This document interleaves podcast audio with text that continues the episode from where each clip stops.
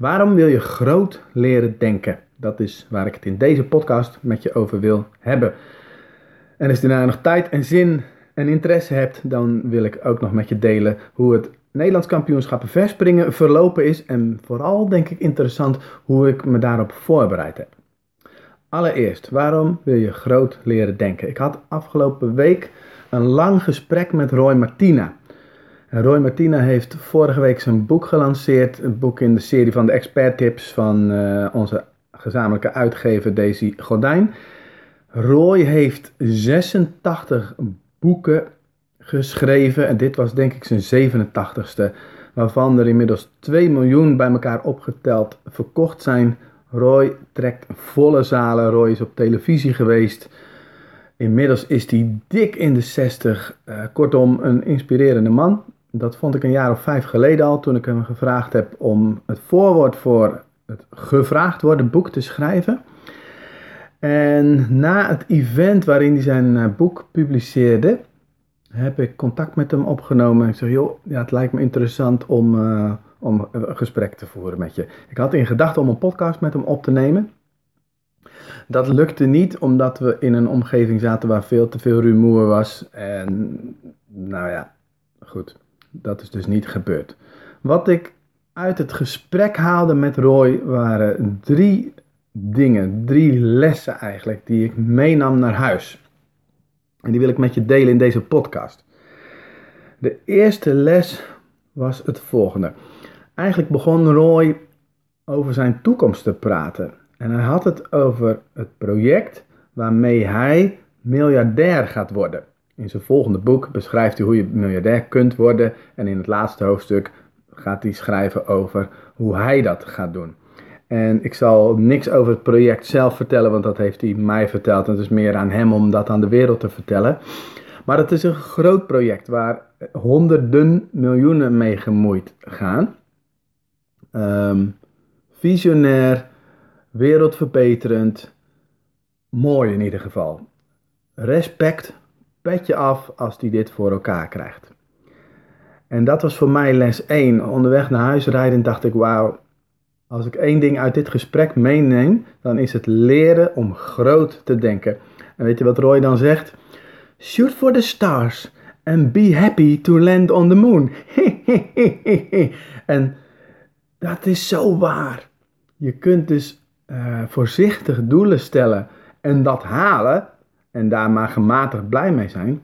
Of gewoon hele grote doelen stellen waardoor je acties afgestemd zijn op het bereiken van die doelen en waardoor je resultaten veel groter zijn dan wanneer je een klein doel zou stellen. En of je het dan haalt, ja of nee, je komt in ieder geval verder. En opeens gebeurt er iets met me. Ik weet niet meer of het nou tijdens dat gesprek was of dat het terugrijdt in de auto was. Maar opeens dacht ik over mijn droom. En de droom die ik eigenlijk had laten varen, die wel groot was, maar die op een gegeven moment voor mij onbereikbaar lijkt, leek. Omdat, nou ja, ik wilde te snel, het, het lukte niet. En, maar het was deze droom. Ja, ik ga het gewoon zeggen. Het mag bekend zijn. Ik ben de Bruce Springsteen van de ZZP'ers in Nederland. Dat is mijn droom. Dat is hoe ik gezien wil worden. Dat is wie ik wil zijn. Bruce Springsteen hing op mijn 15e, 14e aan de muur. Een grote poster.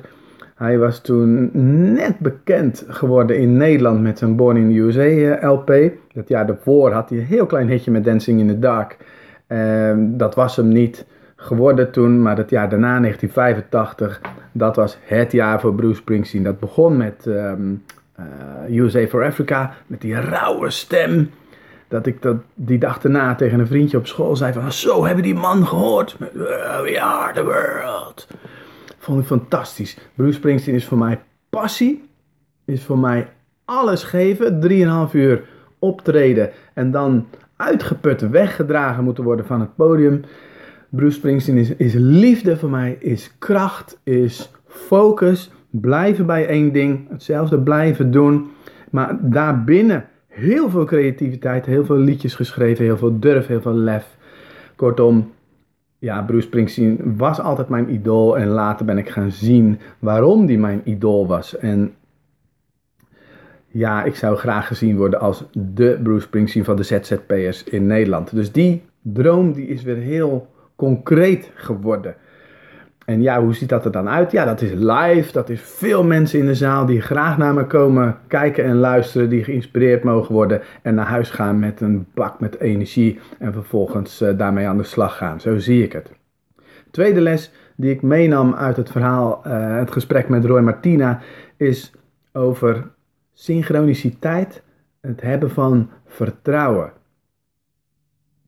Dat weet je, heel veel dingen die Roy vertelt, daarvan haal ik soms mijn schouders op en dan denk ik, Roy, ja, dit is niet mijn belevingswereld. Hij heeft het over buitenaardse wezens en, en het downloaden van iemand zijn brein. En dan denk ik, oké, dit gaat mij iets te ver. Dit heeft voor mij niks met groot denken te maken. Dit is gewoon, ja, niet waar ik in geloof. Maar ik geloof wel in synchroniciteit. En mensen die mij wat beter kennen, die weten ook dat ik het gewoon God noem. Weer anderen noemen het kosmos of universum.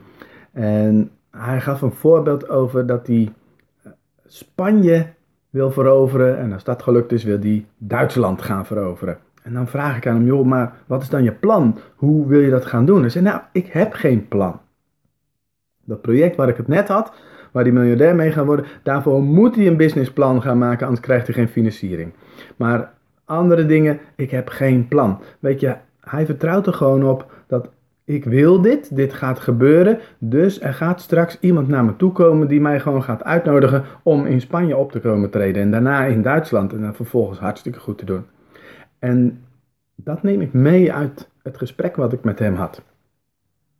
Iets willen en vervolgens ook op vertrouwen dat de dingen op je afkomen, dat de dingen naar je toe komen, dat die dan ook daadwerkelijk jou gaan helpen om het te gaan laten gebeuren.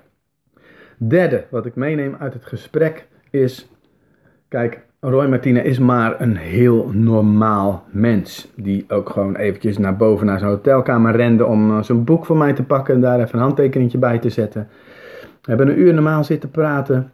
Uh, we hebben mailcontact, uh, vervolgafspraak. Dan komt er wel een podcast. Dus dan gaan we wel een, uh, gesprek voeren wat ik op ga nemen, zodat ik het met jou kan delen.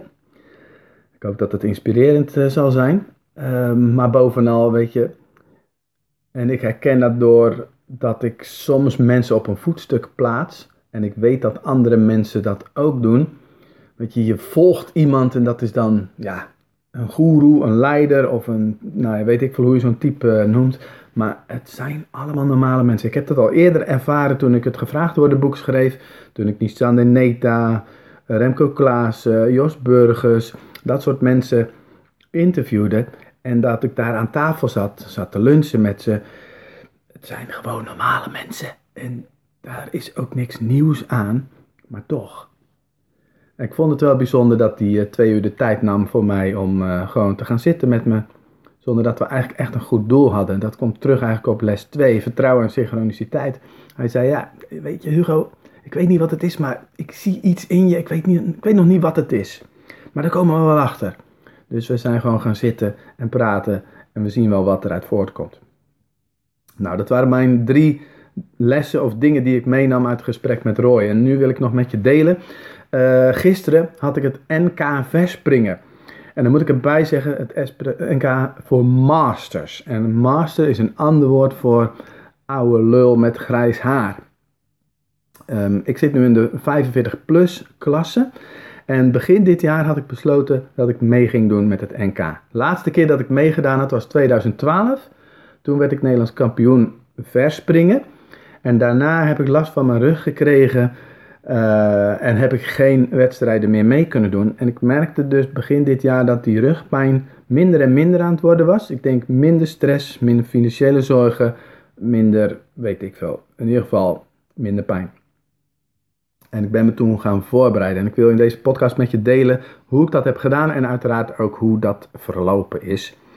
Nou, vanaf 2018, begin uh, januari, heb ik elke dag in mijn schrift opgeschreven dat mijn doel was om mee te doen en om 5,50 meter ver te springen. elke dag schrijven. Elke dag herinner ik mezelf eraan dat ik mee zou gaan doen. Dat betekende ook dat ik mijn trainingsarbeid moest gaan plannen en moest gaan opbouwen. Dus dat betekende eerst ging ik één keer per week naar de fitness. Dat werd op een gegeven moment uh, twee, drie tot vier keer per week trainen. Eén keer in de fitness bij ons op het dorp. En daarna werd het zelfs op een gegeven moment drie keer per week naar de atletiekbaan in Dordrecht. Dat betekende voor mij ook dat ik het besluit nam geen alcohol. Geen druppel alcohol totdat de wedstrijd voorbij was. Elke dag smoothies heb ik op een gegeven moment ook besloten. Ik moest namelijk 4 kilo afvallen. Ik was 87 op dat moment. En inderdaad, gisteren op de dag van de wedstrijd was ik 83 kilo. Toen ik in topvorm was, toen ik zeg maar 20 jaar was, woog ik 82 kilo. Dus dat is even ter vergelijking. Nou, wat gebeurde er?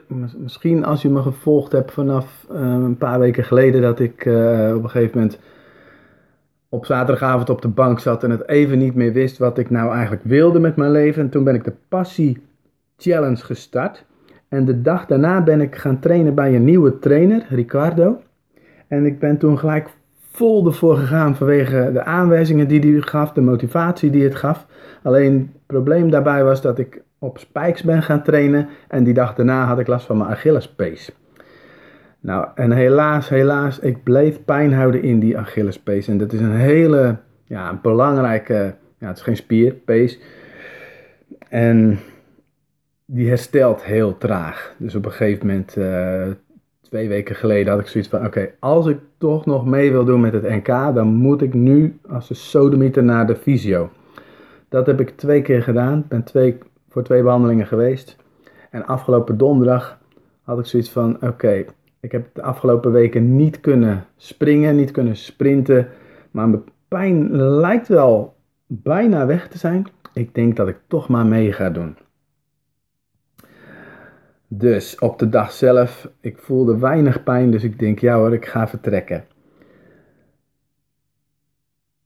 Nou, het is ochtend, de ochtend van de wedstrijd. Ik zit op de wc en ik krijg toch opeens een steek in mijn rug, niet te geloven. En dat de rest van de ochtend door. En dat is niet een kwestie van een zere wervel of iets dergelijks. Het was echt, ja, ik, ik vermoed iets van niersteentjes of zoiets. Pijn, pijn, pijn. Maar toch, ik wil zo graag springen. Dus ik ga. Ik stap in de auto, mijn drie meiden die gaan mee. En daarna zouden we een feestje van mijn zus hebben. Dat was sowieso al strijd in mijn hoofd. Van ga ik afzeggen, dan ben ik langer bij, eh, bij de verjaardag van mijn zus. Of ga ik toch naar die wedstrijd? Goed. Ik heb gekozen voor die wedstrijd, want ik wilde heel graag springen. Wat denk je? File bij Rotterdam. Ik moet omkeren, uh, file bij, of tenminste af, uh, hoe noem je dat? Wegomleiding bij Heinrich de Ambacht. Uiteindelijk kom ik een half uur te laat. Dan, dan mag je eigenlijk niet meer meedoen. Gelukkig had ik via de telefoon doorgegeven dat ik uh, te laat zou zijn. Anyway, uh, snel warm lopen. Uh, de callroom in. Dus dan zit je even op zo'n plek te wachten tot, uh, tot de wedstrijd gaat beginnen. En dan moet je meegenomen worden door zo'n official. Begint het nog eens keihard te regenen. Dus ik dacht echt van nou, uh, het universum, om het dan maar even zo te noemen, wilde eigenlijk niet dat ik vandaag mee zou doen. En toch, ik had het verlangen om wel mee te doen. En ik denk, weet je wat, ik ga gewoon springen. Dus ik loop aan rustig, wat sneller, nog wat sneller. Ik spring, ik vlieg door de lucht, ik kom neer en ik dacht, yes, ik heb gesprongen. Uh, mijn Achillespees is geloof ik nog heel, ik voel geen pijn, yes. Nou, de afstand was niet echt heel goed. Uh, sterker nog, in 1982, toen ik 11 jaar was, sprong ik net zo ver. Dus het is een soort van schaamte nu die, wat ik over die afstand voel. Maar goed, straks kom ik daar nog even op terug. Het was niet ver. Dus ik besluit om de tweede poging over te slaan vanwege toch wat pijn aan de Achillespees. En um, een oude vriend van me, die uh, op de club in Schoonhoven ook uh, lid was, Gerard, die zei: Joh, Hugo, je staat derde. En um, heb, je, heb je de medaillelimiet gehaald? Medaillelimiet, wat is dat? ja, dan moet je toch een bepaalde afstand uh, gesprongen hebben, anders krijg je die medaille niet. Ik zeg, oh, Oh, nou, ik bleek dat ik die limiet niet heb gehaald. Dus ik dacht, ik moet nog een keer springen. Ik wil die limiet halen, ik wil die medaille halen. Dus ik loop nog eventjes uh, een sprintje te trekken en ik dacht, ah, dat doet zeer in mijn Achillespees. En toen nam ik het besluit, ik dacht, ik wil zo graag springen, ik wilde die medaillelimiet halen, maar het is op dit moment gewoon niet verstandig. Kijk, en dan denk ik, de les die ik je ook mee wil geven is, um, ik ben dankbaar voor het resultaat wat ik gehaald heb, dat ik weer gesprongen heb, dat ik dat vandaag heb kunnen doen. Dankbaar voor dat dit mogelijk was. Maar voor de toekomst was het beter dat ik stopte. Oftewel, dat ik mijn Achillespees niet af zou scheuren. Dat was gisteren overigens hoor. Nou ben ik vandaag als toeschouwer nog een keertje bij de derde dag van het NK geweest. En ik, ontmoette nog wat vrienden van vroeger en ik had wat gesprekken met hen. Waarom doe je nou mee met de NK voor oude lullen? En een van die jongens van vroeger, die is een paar jaartjes ouder dan ik, plus 50, die zei, het is toch een soort van verlangen naar je jeugd. Om dit te blijven doen, want je moet er heel veel voor opgeven. Je moet trainen, het kost tijd kost energie. Naast dat het ook gewoon heel erg leuk is. Maar het is een soort van verlangen naar je jeugd. En uh, ik herken dat wel. Hoe dat vroeger allemaal zo makkelijk ging. En hoe je er toen eigenlijk niet bij stilstond. Wat, uh, wat voor mogelijkheden en wat voor talenten we of ik had. En daarom nogmaals, ik ben dankbaar voor het resultaat wat ik vandaag, wat ik nu haal, wat ik nu kan. Dus ik zal die prestatie, die afstand, toch maar niet te klein maken en gewoon als een succes zien. Ik ben na zes jaar weer gaan springen. En nu wel pijn in die Achillespees. Dat gaat vanzelf weer over. Ik uh, weet dat ik uh, gewoon constant moet blijven trainen. Heel blijven is het devies van alle veteranen. En dan komt er vanzelf alweer een moment dat ik verder kan springen. En dat ik misschien weer een kogel kan pakken, weer eens een speer kan werpen, weer eens een sprintje kan trekken. Enzovoort, enzovoort. En heel misschien stiekem uh, heb ik de wens of het verlangen om ooit nog eens een keer een tienkamp te gaan doen. Nou, dit is wat ik vandaag met je wilde delen. Uh, ik hoop dat het uh, leuk is om naar te luisteren. Dat het ook inspireert in de zin van dat je het naar jezelf toe kan trekken. Dat je jezelf in dit verhaal kunt plaatsen. Zeker ook als je ondernemer bent, wat er voor nodig is om succesvol te zijn als ondernemer. Dan is het heel leerzaam om naar sporters te kijken of naar mensen zoals Roy Martina die, die veel bereikt hebben. Daarmee wilde ik het afronden. Tot volgende aflevering. Groetjes!